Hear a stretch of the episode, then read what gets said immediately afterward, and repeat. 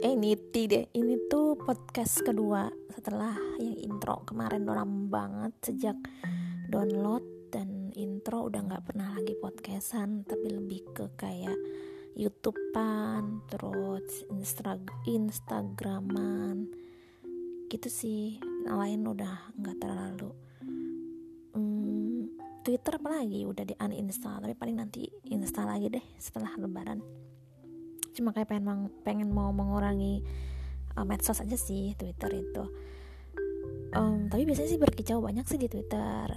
Berkicau-kicau iseng doang. Terus kalau di line panjang gitu. Kalau Instagram ya lucu-lucuan. Sama WA status. Tapi ini tiba-tiba pas lagi jam istirahat kerja sebelum sholat dan makan kepikiran aja sih kayak mau bikin pot udahlah bikin aja karena dari kemarin pengen bikin podcast pengen bikin podcast ini di pengen di, direncanain di, di bikin alurnya nggak jadi jadi mendingan spontan kayak gini.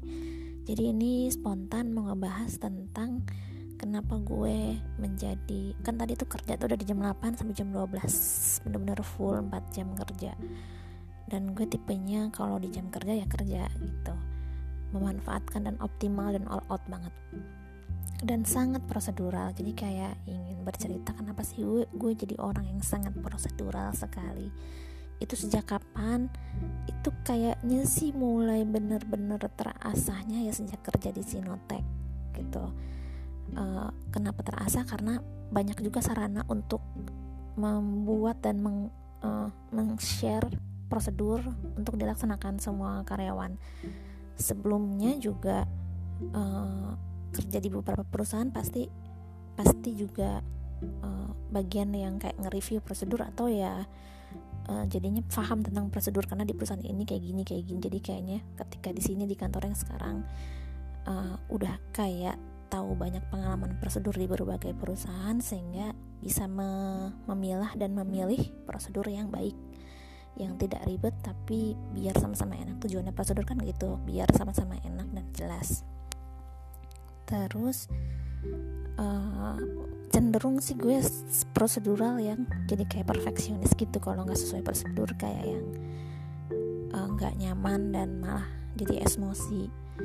Karena kenapa jadi kayak gitu? Karena hmm, pernah sih ngerasain kerja hmm, ya sebelum banget masuk say sih itu di suatu perusahaan e-commerce.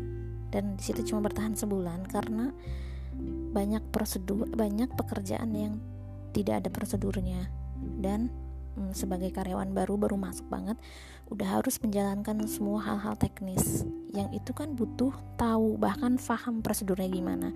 Sementara di sana nggak provide. Banyak kan lisan banyak kan harus langsung jalan. By target bang target banget. Jadi kayak kayak apa ya di sana tuh kayak orang paling bego sedunia. Salah melulu gitu. Karena kan ya misalnya kita bisa naik sepeda atau naik motor uh, dengan tipe matic tiba-tiba harus uh, naik motor dengan motornya agak tinggi terus dia agak manual gitu. Kita kan harus ngerti dulu walaupun kita udah berapa kali juga bisa naik motor manual atau matic tapi ketika berbeda motornya jenisnya kita harus paham dulu biar nggak salah langkah gitu. Nah di situ tuh kayak shock banget. Ya ampun perusahaannya yang nggak ada prosedur dan yang nggak provide dan nggak mengajarkan prosedur kok malah nyalahin karyawannya gitu. Tapi bukan si ownernya atau CEO CMO nya COO nya perusahaan itu sih yang yang yang aneh kayak monster. Atasan langsung aku aja. Kalau CEO nya baik banget kenal maksudnya tahulah dari teman yang juga saudaranya di situ. Jadi gitu jadi um, apa ya ketik pernah ngerasain sesuatu yang menjadi karyawan baru yang nggak mm, jelas prosedur jadi kayak apa ya ini gimana nih gimana? gitu. Makanya ke, makanya ketika di say itu langsung kayak prosedural banget supaya dan apa apa itu detail supaya orang tuh cukup dengan baca dengan mempelajari nanya udah paham ke depannya gimana gitu nggak yang kebingungan di awal. Itu tuh paling banget benci dalam kondisi gue masuk dalam satu hal yang baru pekerjaan baru apa pun yang baru tapi nggak jelas instruksinya arahannya rencananya detailnya. Sehingga kita kebingungan dan uh, kebingungan mau mengerjakannya dari mana dan seperti apa. Sama seperti kuliah juga gitu banyak banget beberapa yang sering tidak diinfokan detail. Misalnya kalau mau ngumpulin ngumpulinnya format apa terus ke mana ke email siapa. Dari awal kuliah juga kita tuh semesternya gimana gimana. Dijelasin sih ada pengarahannya cuma pengennya sih yang tertulis dan yang simple aja gitu cuma kayak nggak dapat gitu. Dan sering banget kayak gitu nggak cuma kuliah nggak cuma kantor hal-hal kecil kayak acara. Terus acaranya ke mana sih? Ini gimana sih gitu. Suka nggak jelas jadi bingung. Kadang malah kita yang disalahin gitu. Makanya sejak itu kayak jadi trauma gitu. Pokoknya kalau gue punya wewenang untuk membuat prosedur atau menjadi uh, panitia acara atau apa pun itu yang gue punya wewenang akan membuat itu menjadi sangat amat detail dan jelas untuk orang yang akan menggunakannya gitu. Karena pernah jadi user atau pernah jadi orang yang melak ingin melakukan sesuatu tapi nggak jelas gitu. Itu tuh nggak enak banget kayak gitu. Makanya aku jadi kayak detail prosedural terus lengkap gitu. Prepare banget well well prepare and plannya harus matang itu karena itu. Karena aku harus memberikan info yang sejelas-jelasnya kepada orang lain ketika kita meminta orang lain melakukan sesuatu gitu.